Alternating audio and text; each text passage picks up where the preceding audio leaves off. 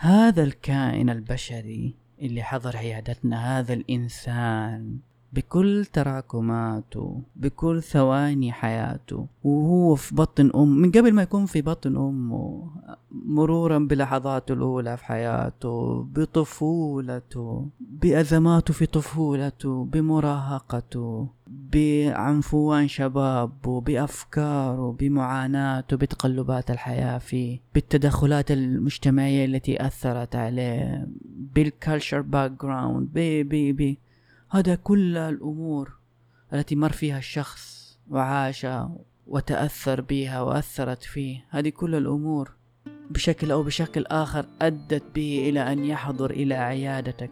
ونحن بعد هذا كله يكون تعليلنا الوحيد بين المشكلة هي مجموعة هي مشكلة مجموعة من النواقل العصبية وشوية receptors هذه فكرة مضحكة إلى حد الألم بصراحة.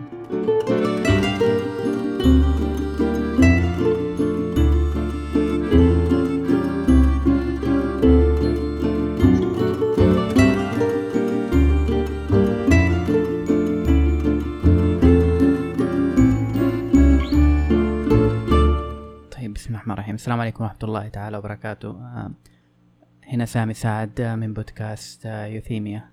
آه، الحلقة اليوم حتكون تكميل للحلقة اللي طرحناها قبل فترة يمكن حوالي ستة شهور عن مسألة الوصمة الناعمة وهي وصمة المرض النفسي بين العاملين في مجال الطب النفسي.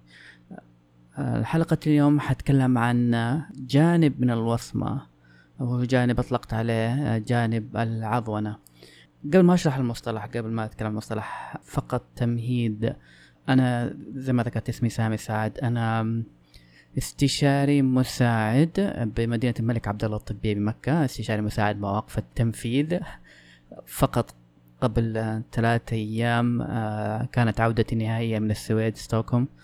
آه، ولله الحمد حصلت على زمالة الطب النفسي السويدية. أشتغل مديرة الملك عبد الله الطبية بمكة أسكن في جدة. آه، عندي دبلوم علاج نفسي سلوكي ودبلوم علاج قصير مكثف للمشاعر. الوصمة في مجال الطب النفسي موضوع كبير. الوصمة بين العاملين في المجال الصحي موضوع كذلك كبير ولكنه أصغر بشكل بسيط. الوصمة بين العاملين في مجال الطب النفسي موضوع أكثر عمق وغير مخدوم بحثيا كما ذكرت سابقا في البودكاست الأول. آه، عضونة ما معنى عضونة أنا بصراحة لا أظن أن هذا المصطلح هو المصطلح الأفضل لأنه اجتهادي. هل توجد مصطلحات أخرى تترجم ما أقصده بشكل أفضل؟ ما وجدت في بحثي السريع. ما وجدت مراجع عربية تتكلم عن هذا الموضوع أو عن تعريف هذا المصطلح. آه، عشان كذا أطرحه وأجد في نفسي آه، شوية آه، خلينا نقول تخوف أو عدم طمأنينة من أن هذا المصطلح هو المصطلح الأصح. أسعد جدا أسعد كثير لو أحد عنده اقتراح لمصطلح أصح. طيب إيش المقصود بالعضونة؟ العضونة التي أقصدها هنا في هذا البودكاست أقصد بها هي تعليل أو آه، جعل سببية الاعتلالات النفسية آه، تعود للجانب العضوي بشكل خلينا نقول بحت أو كلي التثقيف التوعية بأن الاعتلالات النفسية بين المرض النفسي اكتئاب فصام باي بولر whatever هي أمراض أمراض بين قوسين هي أمراض diseases تحمل سبب بين قوسين سبب عضوي بين قوسين بحت. هذا ما أقصده. هذا ما أريده. إيصال رسالة توحي. بأن الأمراض النفسية هي أمراض تحمل دلالة عضوية ويعني قفل الرسالة أو قفل التوعية على هذا الجزء بدون توضيح أن هنالك بشكل بديهي هنالك أسباب أخرى آه، غير عضوية غير جسدية آه، قد تسبب اعتلالات نفسية. هذا ما أقصد بالعضونة وهذا ما أريد طرحه. لأنه التثقيف والتوعية بأن هنالك علاقة عضوية جسدية تحدث في الاضطرابات النفسية. هذا أمر آه، مفروغ منه ما كلنا نعرفه. هي علاقة ليست آه، سببية في أغلب الاعتلالات النفسية إن لم يكن جلها. هذا هو الطرح الحقيقي هذا هو الطرح الصحيح. الإشكالية تحدث عندما نربط الاعتلالات النفسية اختلالات أو اضطرابات عضوية بحتة هذا ما أظنه هو المشكلة وهذا ما أظنه الطرح الذي قد يزيد من إشكالية وصمة المرض النفسي. وإن شاء الله حشرح الآن بعد قليل كيف يكون هنا العلاقة.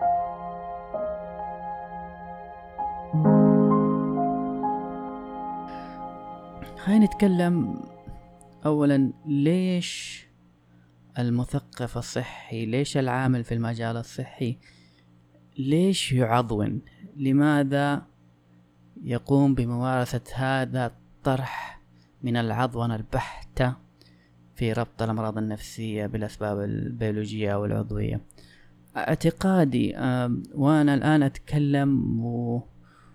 وبصراحة كما ذكرت في البداية إن الطمأنينة لا تكمل يعني لا تمتلكني بشكل كبير لأني لم أجد آه، أطروحات كثيرة تتناول هذه النقطة. وجدت بحثين ثلاثة أبحاث.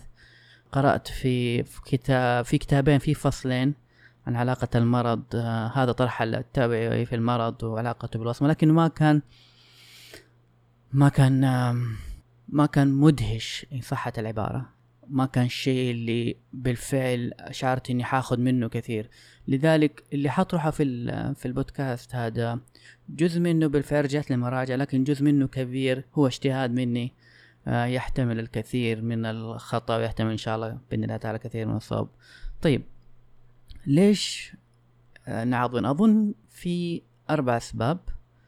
تجعل العامل أو المثقف الصحي يلجأ لهذا الأسلوب من العضونة ثلاث أسباب منها تتعلق بوصمة المرض النفسي وسبب أخير ربما يعني علاقته ليست كبيرة الوصمة خلينا نمشي أو خلينا ناخذ أول سبب. أول سبب قضية الظاهرية في الوصمة نحن نعلم أن الأمور الظاهرة في أي جانب آه، بشري أي جانب آه، اجتماعي الأمر الظاهر هو الأكثر سرعة في الوصمة.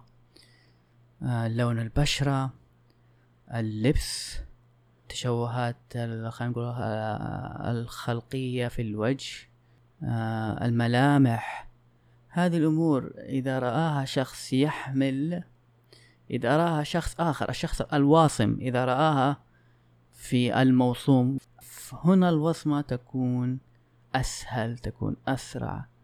تكون أوضح. لذلك قضية إنه نربط المرض النفسي بأمر عضوي خفي هذه فيها محاولة إزاحة الأمور الظاهرة من المرض النفسي لأمور خفية. هذه رسالة عندما يلجأ العامل لهذه الطرح من العضونة هو يقول أن المريض النفسي هو مريض ليس بشيء قامت به يداه. المريض النفسي هو ليس ضحية. أفكار ليس ضحية. قرارات خاطئة ليس ضحية. أمور ظاهرة. المريض النفسي هو ضحية أمر خفي. هو ضحية اعتلال عضوي. نحن لا نرى. لا يمكن أن نرى. لذلك يعني الربط هذا الربط البحت الكلي الصرف للاعتلالات النفسية بالأمور البيولوجية العضوية هي فيها محاولة لكي يكون الأمر خفي لكي يكون الأمر لا يبدو جليا أن المرض النفسي هو بسبب أشياء اقترفها الشخص. أن المصاب فرضا بإدمان الكحول آه هو ليس مصاب بإدمان الكحول لأنه هو شخص هايم ويبى يشرب بس يبى يشرب. لا هذا عنده اعتلال عضوي. طبعا هذا الطرح آه أنا أقول أنا أنا قاعد أتكلم عن الاستخدامات الوظيفية للعضونة. ولما أذكرها أنا لا أذكرها كأنها أمر سلبي لكن أذكرها لكي أوضح لكي أشرح. لأنه بالفعل الاضطرابات النفسية لها لها علاقة بيولوجية لها علاقة عضوية بالفعل الشخص المدمن على الكحول آه، هذه لها تفسيرات آه، وراثية لها تفسيرات عضوية لها تفسيرات radiological uh, explanations. هذه أمور موجودة ومثبتة لكنها لم تكن يوما علاقة سببية كلية كالذي يحدث أحيانا في الطرح أو التثقيف الصحي. وهذا له أمر له جوانب سلبية حذكرها بعدين. لكن الآن ال ال الناحية الوظيفية اللي حذكرها زي هذه الناحية الأولى من الظاهرية أنا الآن أوضح وأشرح. طيب خلينا نخش في النقطة الثانية. النقطة الثانية آه هي نقطة الجانب الوظيفي من العضونة. هي فيها تقوم بضرب آه فكرة التحكمية في المرض النفسي. من يثقف ويشرح للناس أن الأمراض النفسية هي أمراض في قاعدتها هي أمراض بيولوجية عضوية. هو يرسل رسالة لل... لل... للببليك لل... للناس العامة أن المرض النفسي هو شيء غير قابل للتحكم. الناس لم يختاروا أن يكونوا مرضى. هم أناس آه لسوء حظهم. لديهم اعتلالات عضوية لذلك أصبحوا مرضى.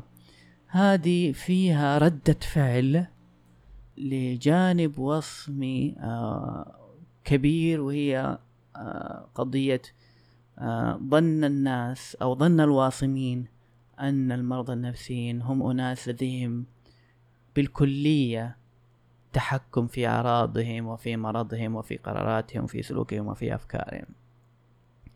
فهذه القضية من العضونة هي تكاد تكون كما ذكرت ردة فعل لهذه النقطة من التحكمية. هم يريدون أن يرسل رسالة. من يثقف بأن المرض النفسي هو دلالة عضوية بحتة هو يريد أن يرسل رسالة. أنه لا توقفوا. المريض النفسي لا يتحكم في هذه الأمور. المريض النفسي لسوء حظه لأمور جينية لأمور وراثية لأمور بيولوجية بحتة. هو شخص مصاب بالمرض النفسي. هذه الجانب الوظيفي الثاني. الجانب الوظيفي الثالث آه هو جانب صراحة فيه له إغراء. وهي قضية أنه المثقف الصحي أو العامل في المجال الصحي عندما يتحدث بهذه اللكنة أن المرض النفسي بالكلية هو مرض عضوي وراثي بيولوجي آه هو بصراحة حينها يقدم مشهد إنساني جميل. هو آه يعيش لحظة إنسانية الجميع يحبها الجميع المريض وذوي المرضى والمجتمع والمتعاطفين. كلنا نحب أن نرى شخص يساعد المرضى النفسيين من إخراجهم من هذه الوصمة. لذلك طرح ال biological هذا طرح عاطفي لذيذ. فيه بعد للتحكمية فيه يعني آه، تبرئة كلية من أي شيء تقترفه اليد وأن المرض النفسي هو أمر كالسكري يعني كمرض السكري type 1 هو أمر حدث للمريض خارج عن إرادته. الجميع يقترب عاطفيا من الشخص المثقف والموعي وهذا صراحة في له في له في له فخ آه، له إغراء وعندما العامل يمارس هذا الشيء هذا المردود الجميل الإنسان الذي يحدث مثير لل آه، للحدوثه مرات ومرات ومرات آه، يحدث comments لطيف على المثقف. يحدث retweet يحدث likes يحدث انتشار في الواتساب. هذه الأمور لذيذة. وهذه تجعل الأمر لا أجد مصطلح آخر غير الفخ أعذروني إنه الواحد يقع فيه مرة ومرة ومرة. طيب الجانب الوظيفي الأخير اللي تخدم فيه العضونة البحتة للمرض النفسي هي قضية بصراحة يمكن لا تتعلق كثير بالوصمة آه لكن آه لكي يكون الطرح جيد أنا كتبتها أو أضفتها اللي هي إنه العضونة فيها بصراحة تخفيف للضغط الذي يحصل لنا نحن كعاملين في عياداتنا. العضونة أظنها هي خلينا نقول المتكأ الذي نتكئ عليه عندما لا نملك الحيلة في علاج مرضانا. أظن أن السبب العضوي للمرض النفسي هو العذر لما تنتهي الحلول العلاجية. من يدي أنا كمعالج. أنا أقول الكلام هذا وأنا يعني أنا أعرف نفسي وأنا يعني بالفعل يعني أحيانا أقع فيه.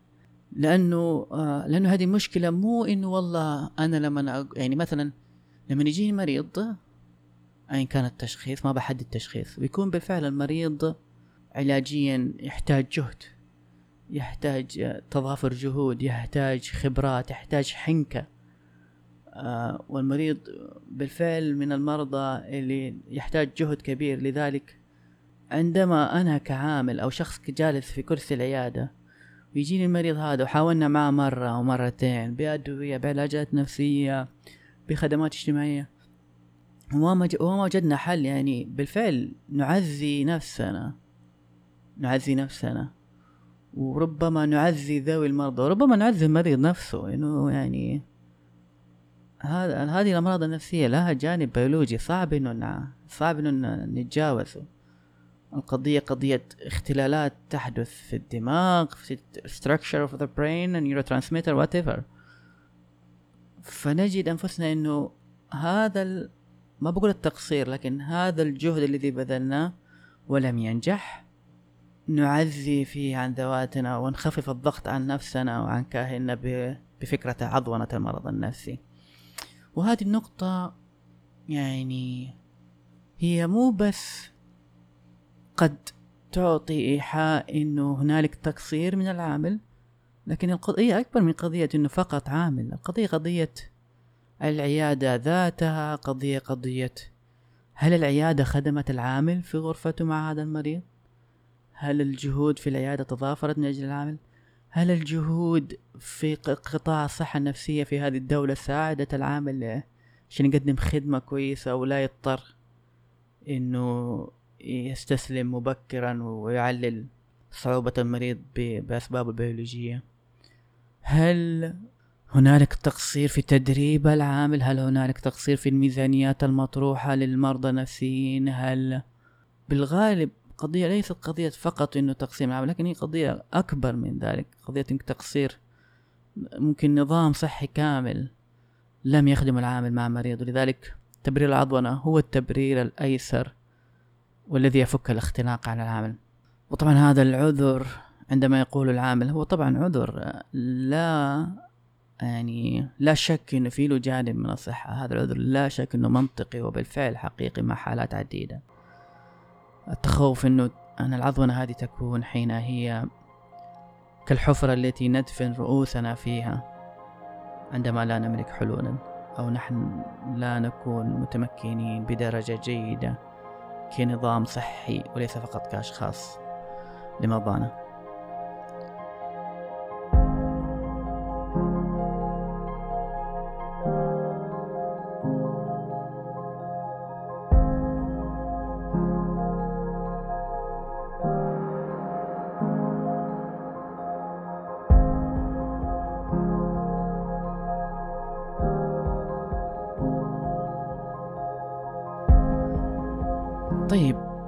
الآن شرحت إيش الجانب الوظيفي لهذه العضونة خلينا نتكلم شوية عن ال... إيش الإشكالية؟ ليش العضونة هذه هي أزمة قد تزيد من هوة وصمة المرض النفسي؟ طيب هي صراحة في نقاط كثيرة في إشكاليات كثيرة. من كثرتها وقاعد أنا كذا قاعد لما كتبتها ماني عارف أي أبدأ فيها تكون الأول. لكن خلينا نتكلم أول شيء بكلام شيء علمي. في دراستين أنا شفتهم. تكلمت آه، أو بحثت هذا الجانب آه، من التوعية والتثقيف بربط المرض النفسي بفكرة الجانب المرضي العضوي البحث في التوعية. أحد الدراسات بالفعل وجدوا إنه في تحسن للمتلقي للببليك آه، في عدم لوم المرضى النفسيين. الأزمة فين حدثت؟ الأزمة حدثت إنه الأغلبية بعد هذه التوعية أصبحوا يظنون أن هؤلاء المرضى النفسيين هم بشر من درجة أقل هم كائنات مختلفة. هم يحملون تركيبة مختلفة في دماغهم. الأدهى إيش كمان؟ الأدهى هو حدث لل public آه يعني مسوي ال survey لل response حق ال public. حدث إنه تعمق أو يعني ترسيخ لفكرة عدم التحسن العلاجي بسبب هذا الطرح من العضونة. آه يعني إذا كانت الأمراض النفسية هي في مسبباتها أمراض بيولوجية عضوية بحتة لذلك فكرة إنك تحسنه ببرامج سلوكية فكرة إنك تحسنه بعلاج نفسي بالكلام فكرة إنك تحسنه بتدخلات اجتماعية هذه فكرة قد لا تكون منطقية حينها. يعني أنت بتحاول وفي مشكلة في جسمه وصلح اللي في جسمه. هذا بالفعل هذا اللي يحصل. وهذا بالضرورة يسبب أزمة أو يضيف أزمة أخرى لأزمة وصمة المرض النفسي.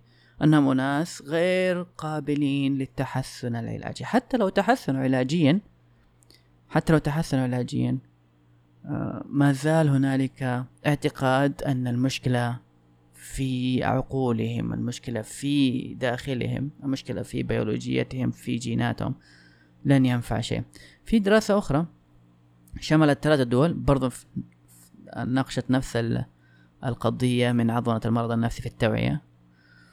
ماذا وجدت؟ وجدت أنه المسافة الاجتماعية بين المرضى وذوي المرضى من جهة والمجتمع من حوله من جهة أخرى تزيد بعد هذا الطرح التوعوي. آه لأنه الببليك يظنون أنه آه إذا كان المريض هذا يملك مسببات عضوية لمرض نفسي فذويه أكيد يحملون نفس الجينات وأكيد يحملون نفس الإشكالية وأكيد آه لهم نصيب من الأزمة البيولوجية. لذلك بالفعل حدثت هو اجتماعية بين المرضى وذويهم من جهة وعامة الناس من جهة أخرى. هذه أحد المصائب أو أحد الإشكاليات التي تحدث بسبب العظم. الإشكالية الأخرى واللي يعني آه قاسية. هي قضية آه أن العضونة هذه تقوم بتهميش ما دونها أو ما غيرها من الأسباب. تخيلوا معي سيناريو مريضة يتعرض لمصائب الدنيا حوله. ليست بالضرورة مجتمع لكن مصيبة مصيبة واحدة كافية.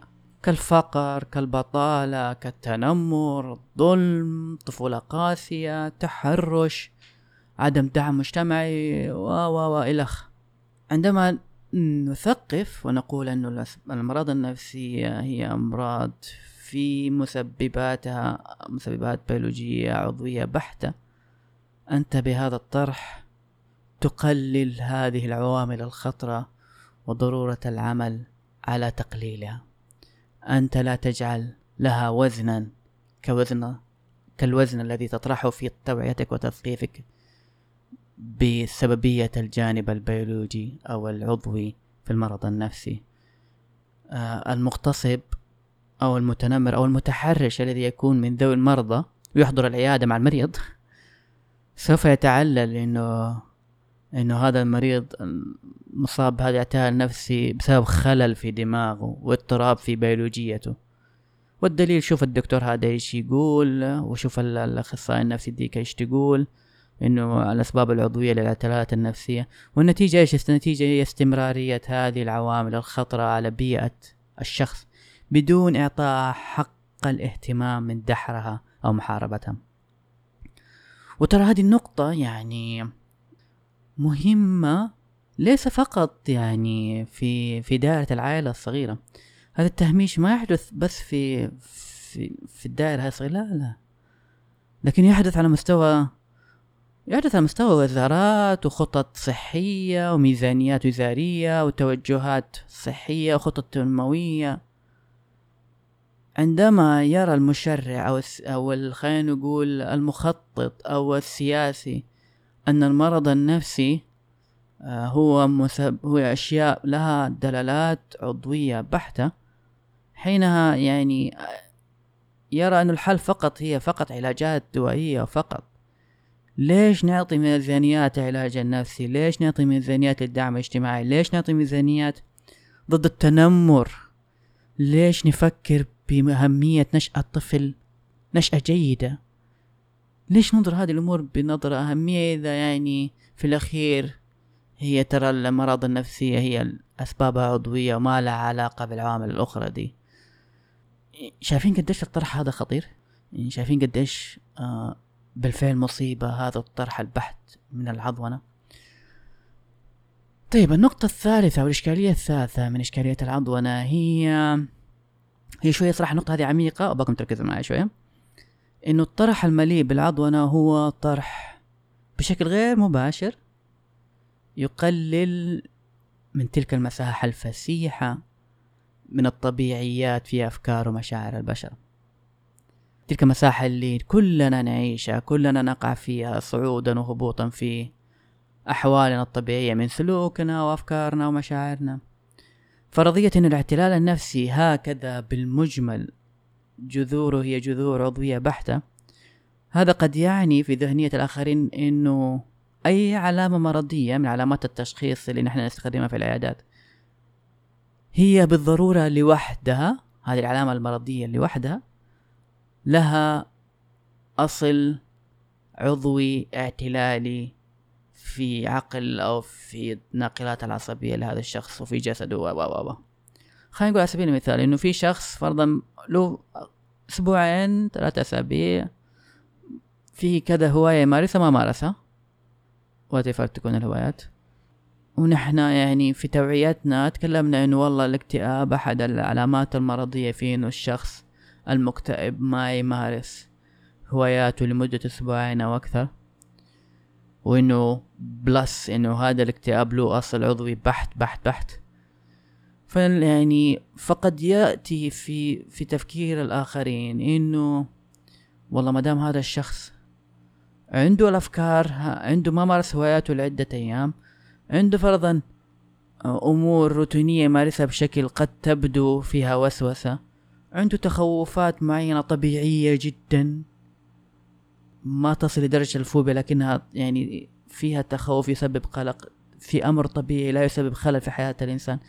في يعني أضرب أمثلة إلى الأخير. هذه الأمور عندما يراها الشخص من الببليك من العامة يظن إنه لها أصل ويعلم إنه هذه قد تكون لها دلالة اعتلال نفسي فيربطها بإنه لها دلالة عضوية لها دلالة بيولوجية. هذا الشخص في مشكلة في عقله في ناقلاته العصبية في تركيبة الاميجدلا في وات ايفر يعني قس.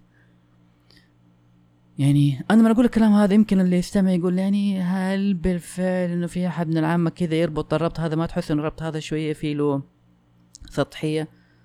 أنت لا تفترض إنه العامة يملكون من العمق ما تملكه أنت وأنت. آه يعني هذا الأمر قد يكون شيء بديهي لغيرك وأنت تظنه ساذج. هذه العضوة أظنها هي تعمق نظرة الناس على أن هذا التفاوت الطبيعي الذي يحدث في نفسياتنا وأفكارنا وسلوكنا له ربما له أصول عضوية مرضية حتى لو عاد المرء لطبيعته المعتادة. طبعا هذا النقاش يفتح باب لأسئلة أخرى. طب إيش هو الطبيعي من الأحوال النفسية؟ إيش هو ال... إيش هو النورمال from our cognitive functions هذا نقاش له أسئلة كثيرة له طرح كثير لعله ما هو ما هو موضوعنا. طيب نكمل في في الإشكاليات التي تسببها العضونة أحد الإشكاليات التي يعني ربما هي ليست الأهم للعضونة من ناحية الوصمة لكنها لي أنا شخصيا. ربما تكون هي الإشكالية الأكثر استفزاز. وهذه نقطة شخصية أعترف بسلبيتها. لكن في رأيي أن هذه العضونة البحتة في توعيتنا وفي طرحنا فيها تسطيح مؤلم لمعاناة الإنسان وحياته. فيها تسطيح بشكل في واعذروني على الكلمة فيها سذاجة بئيسة بشكل كبير. هذا الكائن البشري اللي حضر عيادتنا هذا الإنسان بكل تراكماته بكل ثواني حياته. وهو في بطن أم من قبل ما يكون في بطن أمه مرورا بلحظاته الأولى في حياته بطفولته بأزماته في طفولته بمراهقته بعنفوان شبابه بأفكاره بمعاناته بتقلبات الحياة فيه. بالتدخلات المجتمعية التي أثرت عليه بال culture background ب ب ب. هذا كل الأمور التي مر فيها الشخص وعاشها وتأثر بها وأثرت فيه. هذه كل الأمور بشكل أو بشكل آخر أدت به إلى أن يحضر إلى عيادتك. ونحن بعد هذا كله يكون تعليلنا الوحيد ونختصرها بين المشكلة هي مجموعة هي مشكلة مجموعة من النواقل العصبية وشوية receptors هذه فكرة مضحكة إلى حد الألم بصراحة. يعني حتى ال DSM 5 في الكتاب يعني كاتب بخط بشكل واضح أنا ما أذكر نص العبارة بالضبط لكن كاتب بشكل واضح جدا آه، حتى أذكر كاتب crystal clear إنه هذه الوصوف أو هذه التوصيفات اللي في تشخيصات الاعتلالات النفسية هذه ال categories خلينا نضرب مثال إنه الاكتئاب مثلا الاكتئاب إنه والله في اثنين لمدة أسبوع في حاجتين لازم تكون واحدة منها خلال أسبوعين وفي ست أشياء تحت. هذه الأمور هي آه، أو الاكتئاب بمجمله هذا الوصف هو هدفه الرئيسي جعل لغة مشتركة. نحن نستخدمها كناس شغالين في المجال. عندما نتكلم عن آه، آه، مشاهد أو مظاهر لاعتلالات نفسية معينة. هذه لغة مشتركة. لكن لا يعني هذا الشيء هذا لا يعني أن المريض ألف المصاب بالاكتئاب هو يشترك تماما مع المريض باء الذي مصاب بنفس الاكتئاب ونفس الأعراض في ذات الأسباب. لا يعني ذلك تماما. الأسباب تختلف لكل مرض. الأسباب تختلف لذات المرض وأيضا لا يعني أن علاجاتهم أيضا لابد أن تكون متماثلة. ذات المرض يحمل أسباب مختلفة يحمل طرق علاج مختلفة. هذه من الأشياء الجميلة صراحة في تخصصنا. هذه الأشياء اللي هي لا تجعل تخصصنا تخصص ميكانيكي بحت. لا يجعل تخصصنا هو تخصص فقط step 1 step 2 diagram نمشي عليه وخلاص. هذه أمور تقتل الجانب النفسي الإنساني من البشر. عموما نرجع لموضوعنا.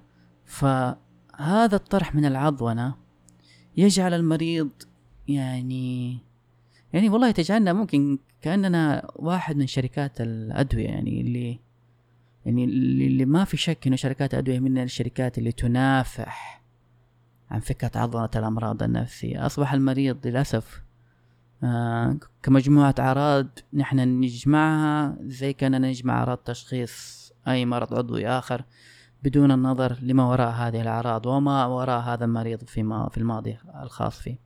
هذه من الأزمات اللي أظنها تحدث بسبب العضونة النقطة الأخيرة من الإشكاليات اللي تحدث آه، مع عضوة المرض النفسي هي أظنها إنه هذه العضونة وهذه صراحة أشاهدها في العيادة وأظن كثير منكم أيضا يشاهدها في عيادته وهي قضية إنه آه، عندما نقول إنه المريض النفسي أسباب المرضية هي أسباب عضوية بحتة حينها المريض لا يملك وقتها أي دافع إنه يتحسن إنه يحاول إنه يتحسن لأنه المشكلة مشكلة عضوية يعني يعني يعني إيش أسوي؟ خلاص أنا أخذ الأدوية وأحاول أصلح الشيء اللي في جسمي ومو راضي يزبط فليش أحاول أكتر؟ ليش أسوي الواجب العيادي حقي؟ ليش أحضر الجلسة مع السيكولوجيست؟ ليش وليش؟ ليش ليش تحاول معي أكتر يا دكتور؟ هذه مشكلة أنا في رأسي ما حيتحسن اللي في رأسي خلاص. هذه يعني هذه الجملة دي اللي سمعت دوبكم سمعتوها مني أكيد سمعتوها من مرضى ثانيين متمكنة منهم قضية انه المرض النفسي هو شيء حدث فقط بسبب تركيبة مختلفة في الدماغ ليس بسبب أسباب أخرى. قد نساعد في تقليلها قد نساعد في زيادة ما يخالفها ليتحسن المريض.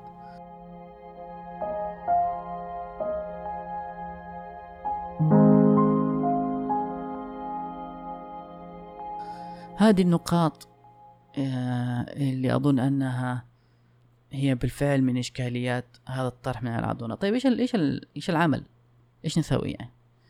آه، أتوقع إنه العمل إنه العمل يعني في أشياء كثيرة نقوم فيها لكن أبسط حل لهذه النقطة إنه نعرض نعرض آه، الحقيقة كما هي. لا نبالغ لا نجمل. عندما نشرح المرض النفسي واعتلالاته وأسبابه. ببساطة الاعتلالات النفسية لها أسباب عديدة. full stop ما في أحد يقدر يقول إنه في سبب واحد هو المسبب للمرض النفسي الفلاني وما في أحد يعني يقدر يقول إنه الأسباب هذا يشترك فيه كل المرضى. لا لا يعني لا نسطح أسباب الأمراض النفسية. لا نجعلها هكذا على غير حقيقتها. فقط نعرض الحقيقة وهذا كافي. لا يوجد سبب حقيقي واضح. يعني ربما أحد الأسباب تكون أكثر وضوح لمريض عن الآخر وهذا بالفعل من حقك إنك تشرح للمريض أو لذوي المريض. خلينا نقول مثلا الزهايمر يعني في آه في حاجة biological process تحدث في الدماغ. هذه ببساطة إذا المريض فرضا خلينا نقول Lewy body syndrome المريض جاته visual hallucinations ففي سبب عضوي في حاجة قاعد تصير نشرحها لأهل المريض. هنا في سبب واضح نقول إنه والله في biological cause لكن لما نتكلم للعامة ونشتغل على حاجة فيها توعوي جانب توعوي فالاتكاء على سبب واحد هذا لا يخدم الوصمة بل يزيدها ويسبب إشكالية أكبر. ما العمل أيضا؟ بعيدا عن العضونة أتوقع أنه العمل كبير. لن أطيل هنا العمل جدا كبير بعيدا عن فقط الإغراق في عضونة الاعتلالات النفسية. إذا أردنا إنقاص الوصمة هنالك مساحات أكبر للعمل عليها من إعطاء المرضى. حقوقهم منها نتحدث أكثر المرضى يتحدثون أكثر. نجعل المرضى يعني يتكلموا ونسوي لقاءات ممكن إنه نحاول نرفع السواد عن ظلامية أقسام التنويم نحسن ميزانيات آه، الطب النفسي رواتب العاملين دمج التنويم للطب النفسي في المستشفيات العامة وعدم جعلها فقط في مصحات أو في المدخل الخلفي أو في أعلى الجبل هنالك وما في لوحات تدل على المكان. آه، هذه أمور هذه أمور تزيد الوصمة. هذه الأشياء اللي نشتغل عليها. هذه الأمور اللي نحاول نفتح نتكلم عنها أكثر ونركز الضوء عليها أكثر عشان نقلل الوصمة ولا نغرق في جانب. بالفعل له جوانب إيجابية لكن في ظني إنه الجانب السلبي منها أكثر لو أغرقنا فيها. إن شاء الله ما طولت عليكم. آه يعطيكم العافية. آه ما كان من صوفة من الله عز وجل وتوفيقه وما كان من خطأ فهو من نفسي أسعد كثير بأي تعليق أي انتقاد أي فيدباك على إيميلي الشخصي دكتور دوت سامي سعد at icloud.com أسعد كثير بنشركم للبودكاست من زملاء العمل.